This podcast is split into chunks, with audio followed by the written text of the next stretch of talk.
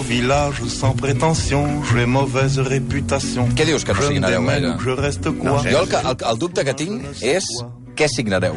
Perquè uns tios que, es fan, que, que són execrables, o sigui, bé no et poden signar. O sigui, tant d'insultar o alguna cosa... O sigui, Sí, teniu... no m'ha insultat la gent en directe, fa una mica, però no. No, i, no m'ha, ja, prou. Hauríem d'anar al O sigui, quin tipus de... Cat, per tu ja has, ja has signat d'altres Sí. vegades. Llavors, quin tip, què, què, què es fa? Què es fa? Què, què, ho Jo- tens preparat? jo Tens... m'has- telèfon, posem el telèfon. Posem, depèn de qui posem el telèfon. Sí? L'altre... Això ho has fet alguna vegada o no? No, això ho feia Santi Dragó. Ah, sí? Sí, sí, quan eren guapes posava el seu telèfon. No és broma. No, no és broma, no, no. Això. Què dius? Boníssim, això. Jo m'ho passo molt bé amb, el, amb els autors que estan al costat, que, que m'agrada molt. Mm. Amb Pilar Eire vaig riure molt. Sí? Sí, li vam tocar el cul. A Pilar Eire vas tocar-li el cul? Ens va demanar que li vam dir que sí. sí No, li perdone. demanar permís i va dir que li vam sí, dir, no, no ens va sí, demanar. perdone, le podemos tocar el Els cul? dos? No, no, amb el Ah, amb, Martín. amb el Lu Martín. Amb el Lu... Clar, és que amb el Lu Martín bé, pot acabar eh, tot fatal. I amb Belén Esteban vaig signar un any al costat. Que sapigueu que mm, durant dos anys he, he tingut missatges d'oients que em deien, si us plau, que els execrables treguin llibre, que treguin el llibre de tot això que estan explicant cada setmana d'aquests personatges a qui destrossen la reputació. Al principi vam dir de novel en amunt. Això ha anat degenerant, al final hi ha Ah. Prince, o sigui... Eh, eh, veig en portada Prince, eh, Gandhi, Uh, veig en portada la, una de les més celebrades, que és la Mare Teresa de Calcuta, que algun oient ja va dir massa petita aquí a la portada, Sí, l'hauríeu d'haver sí, fet sí. més gran. El general Caster, que jo crec que és, el- és el creador del concepte Otoe, Sí. i, que, i que crec que, que la gent pot passar-s'ho molt bé. Um, però que sapigueu que ja des d'aquesta setmana ja està disponible el llibre dels il·lustres execrables, uh, amb edicions B, que ja en parlarem en les pròximes setmanes. El dia de Sant Jordi us espero allà, que és, diu, és diumenge, no, en principi no és el vostre dia, No, però, ja hem però us veig allà que, que, el- ens hem el- reservat al matí, com que tampoc anàvem a signar tant. Vull dir No, que... eh? Home, jo, jo els hi diria a la gent que, que, que vinguin amb el vostre llibre ja al Home, Palau sí, Robert si volen. i farem una fila eh, índia allà improvisada. Un otoe. Un otoe, otoe, otoe fila. Otoe fila. Va, de qui parleu avui?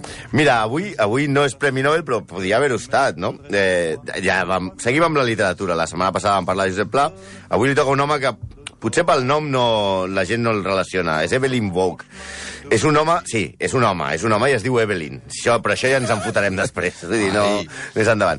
És un dels escriptors anglesos més importants de la primera meitat del segle XX, però un execrable en majúscules. Ens ho passarem molt bé parlant d'aquest capullo. és un home ja. Primer, primer extraordinàriament... insult, ja 10 i 20 minuts, ja comencem. Un home extraordinàriament dotat per la sàtira i el cinisme. És d'aquell tipus de gent tan odiosa que és incapaç d'escriure malament però que la seva pròpia genialitat els porta a ser detestables com a sers humans. Evelyn Bock va escriure alguna de les novel·les més divertides de la literatura, Scoop, que aquí es va dir Notícia Bomba, Enviat Especial, Vides Vils, Rendició Incondicional, i també la que us sonarà a tots, atenció, Retorno a Bryce. Ai, sí. Clar, però no us sona perquè l'hagueu llegit, us sona perquè van fer una sèrie de tele. Sigui, no, no, ara no em aneu de cultes. No, però vaig veure que havíeu penjat aquí la, Sí. la, la imatge. Sí, De portada. editorial d'Argos Vergara, una editorial que, que porta molts bons records. Però en, en, en persona, eh, Bouk era misògin, racista, ultracatòlic, snob, assetjador, cruel, políticament incorrecte, un pare pèssim i torturador dels seus fills, implacable, corrosiu, acomplexat, infernal, destructiu. Molt bé. Com el va definir James Lee Mine, Evelyn Bock tenia, cometes, el temperament més fastigós d'Anglaterra. Cosa que en un país amb tants estúpids per metre quadrat és molt de mèrit, eh? Molt bé, ja no em podrà terpritxar mai més a Londres, jo. Hi pintarà Harry Potter?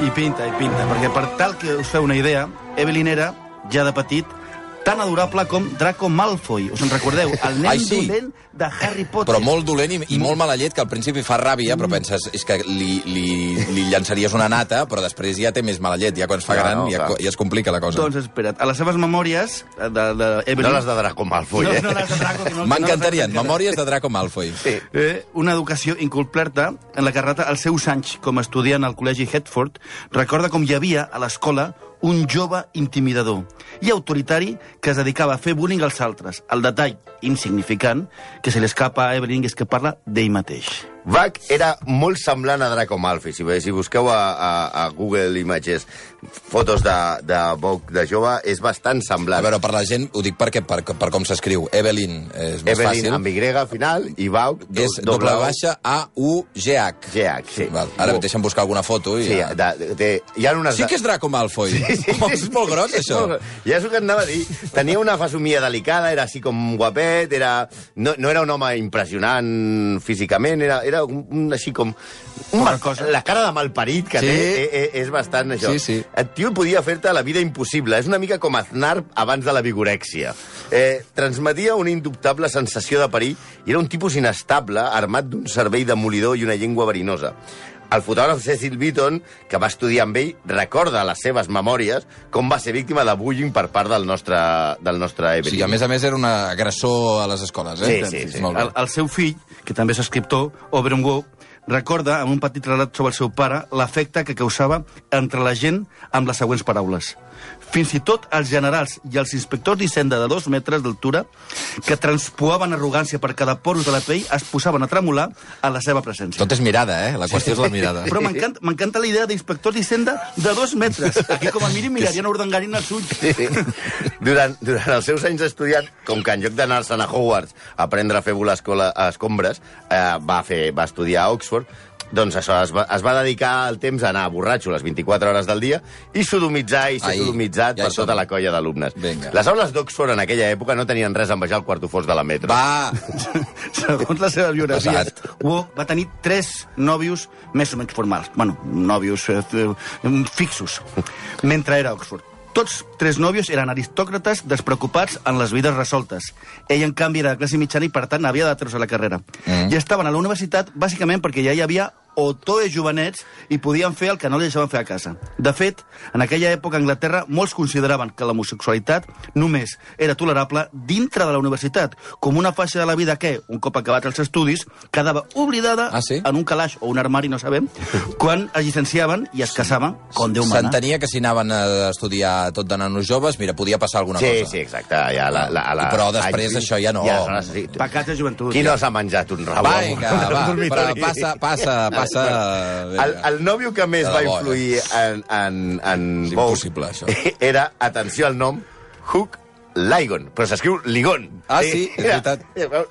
Era el segon fill del comte de Beauchamp, amb qui passarà molts estius convidat a l'enorme castell que tenien, que es deia Mothersfield.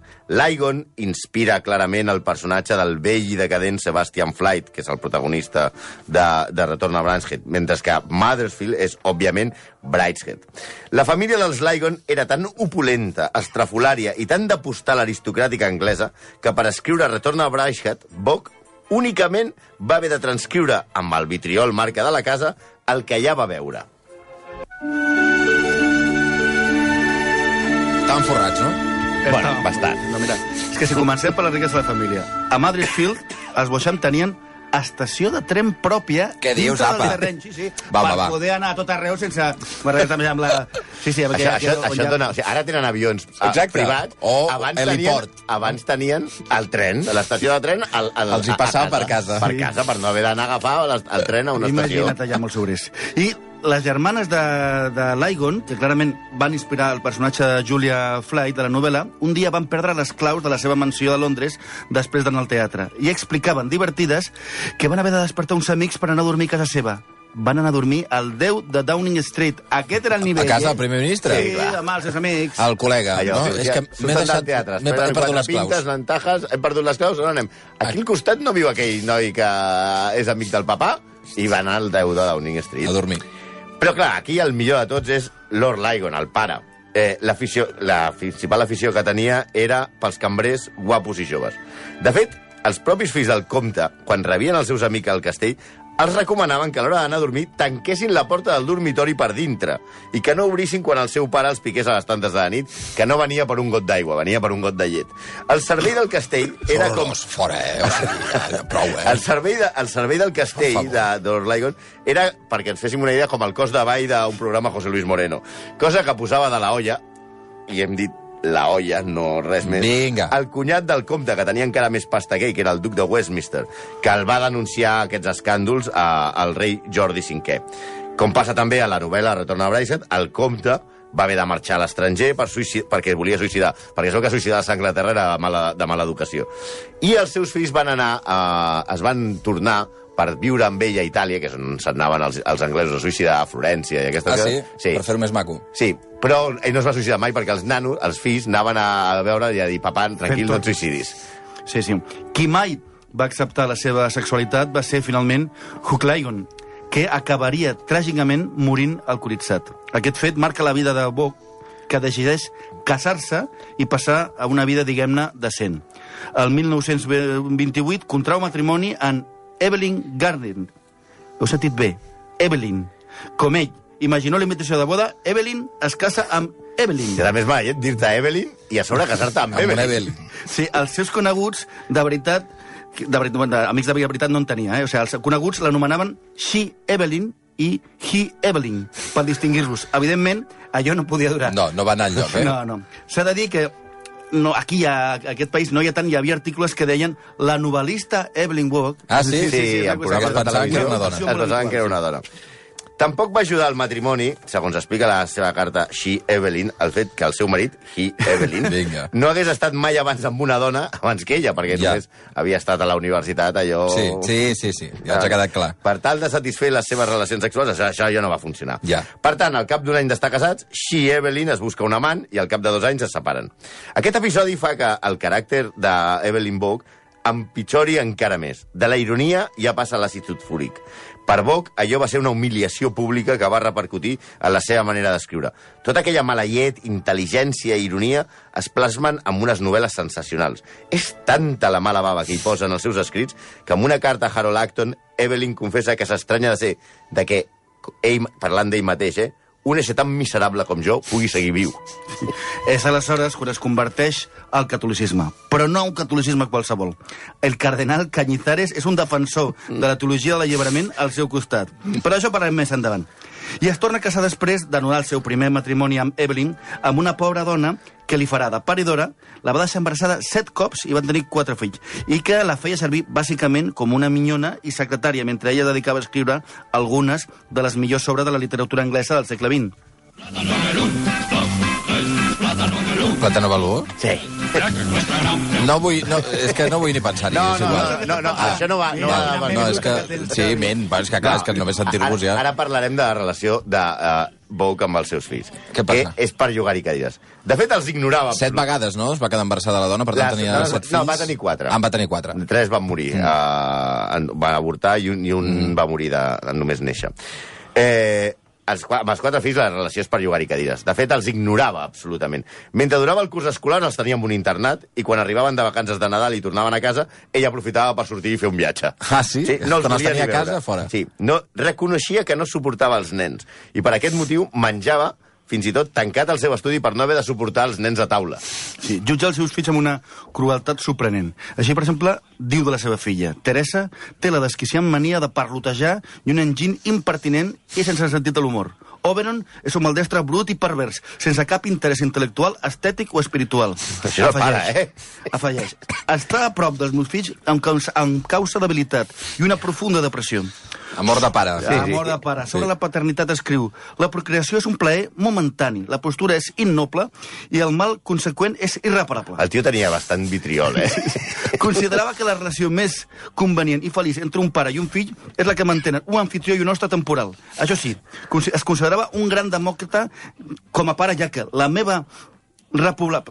Reprovable, sí. predilecció per la meva segona filla ha desaparegut. Ara els menyspreu a tots de manera igualitària. Els tracto igual a tots, els menys preu. Un pare model. Però si això us escandalitza, res com a l'episodi dels plàtans. Ai, ai, ai. Anem als plàtans. Mira, fem-vos a la idea. Acaba la Segona Guerra Mundial Sí. i Anglaterra passa per moments d'absoluta carència de molts aliments, especialment fruita. No és que siguin uns grans productors de fruita, a part de les maduixes aquestes que es foten quan van a, a veure cavalls. Mm. Els, eh, els fills d'Evelyn eren petits i mai havien vist un plàtan. Boc va arribar un dia a casa amb tres plàtans provinents de la primera partida de fruites exòtiques que arribaven a Anglaterra des de feia molts anys. Entre els nens anglesos es rumorejava, perquè no l'havien provat mai, que aquella fruita groga tenia el sabor més deliciós del món. Podeu imaginar l'expectació dels fills de l'escriptor al veure com el seu pare arribava amb tres plàtans a casa. Doncs bé, Boc seu els nens a taula, s'asseu ell davant, agafa els plàtans, els pela lentament, els cobreix amb sucre i crema, dos productes que també estaven severament racionats, i anaven molt escassos. Semblaven els gossos de Pavlov, els, Sí. nens, no? I què va fer Boc? Se'ls va menjar Ah! ell, un Tots darrere l'altre, No! amb tota parsimònia davant No! dels nens, explicant-los que sí, que els plàtans són molt bons. Oh! Està- estàs s'ha de conya. S'ha de ser un veritable miserable Oh! per fer això davant dels teus fills. Oh, Oberon, que... que era el fill, recorda que en aquella època tenia 5 o 6 anys i que aquell va ser el dia en què va començar a odiar realment amb raó el seu pare. No sé què t'imaginaves quan parlàvem de plàtans. No, no, res, res, res. Hosti, quina mala, mala llet. Bé, en fi. Aquí sentim més en llatí. Com veieu, les, les, les idees sobre pedagogi- pedagogia no és que fossin les més modernes del món, però eren clarament revolucionàries si les comparem a les que mantenia sobre la regió. Ja hem dit que després de la seva primera dona, el, la, la, de la seva primera dona el deixés tirat, es converteix al catolicisme, però no a un qualsevol. Es torna un carca absolut. Sí, a veure, després pensareu, un tio que és capaç de fer això amb els seus fills, que parla així de la gent i tal, diu, és religiós, aquest tio podia ser religiós, una religió en teoria, en teoria eh, pregona, pregona la, la bona voluntat. És una pregunta que també li feien els seus coneguts. La seva resposta era demolidora. Ell deia, no us podeu imaginar com seria si no fos catòlic. Seria molt més mala persona. En realitat, sense l'ajuda sobrenatural, no seria ni humà. Seria Darth Vader, segurament. Mai va acceptar les reformes de l'Església del Concili Vaticà II, en què, per exemple, les misses. Les misses per de l'ESO és una cosa que s'acostuma a fer els diumenges i no és un partit de futbol. Es passaven a fer en llengua vulgar i no en llatí i de cara als fidels en lloc de que el sacerdot ho fes d'esquena.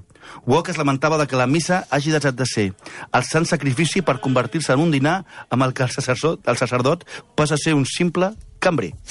En la seva correspondència que mantenia amb l'arcabisbe de Westminster, li pregunta si continuava vigent el criteri eh, religiós que fixava en 3 milles la distància que feia obligatòria pels creients l'assistència a la missa dominical. Es veu que si tu vivies a més de 3 milles d'una església, No et, et dispensaven d'anar a la missa el Està diumenge i no, i no cometies pecat. Perquè el que volia ell era, quan van canviar les misses, comprar-se una casa a 3 milles I un metre. i un metre d'una església perquè no, per no anar a missa i, i, i, i no caure en això. Perquè per ell, ell deia, la nova litúrgia em sembla una temptació contra la fe, l'esperança i la caritat. Però si Déu vol, mai apostataré. Pels de l'ESO explicarem que apostatar és com bloquejar algú al Twitter. Molt fort. Sí. Les seves idees religioses, com no podia ser d'una altra manera, també anaven acompanyades d'un anticomunisme visceral. S'ha de dir que tot el que feia poder esquerres amb ell li escandalitzava. Però no li agradava res. No, no, no, Era, O sigui, era el no- no- del món. Era un veritable escarós. A- Aquesta combinació li va portar bastants problemes durant la Segona Guerra Mundial. La seva capacitat de lideratge, la mala llet que tenia i el fet de que Winston Churchill, un altre execrable, fos un gran admirador seu, el van promocionar fins al grau de capità i el van destinar a Iugoslàvia per fer d'enllaç amb els partisans de Tito. Tot anava bé, fins que Boc va conèixer Josip Broz i va descobrir que era comunista i, sobretot, que no era catòlic. Es va negar a col- a col·laborar amb ell i van haver el van haver d'enviar a casa. Deu ser un dels pocs casos d'un tipus tan insuportable que fan fora fins tot de la guerra. Si tu imagina que et fotin fora de la guerra per capullo, ja has de, has de ser molt mala persona. Perquè a la guerra, diguem-ne, que deu caure tot, no?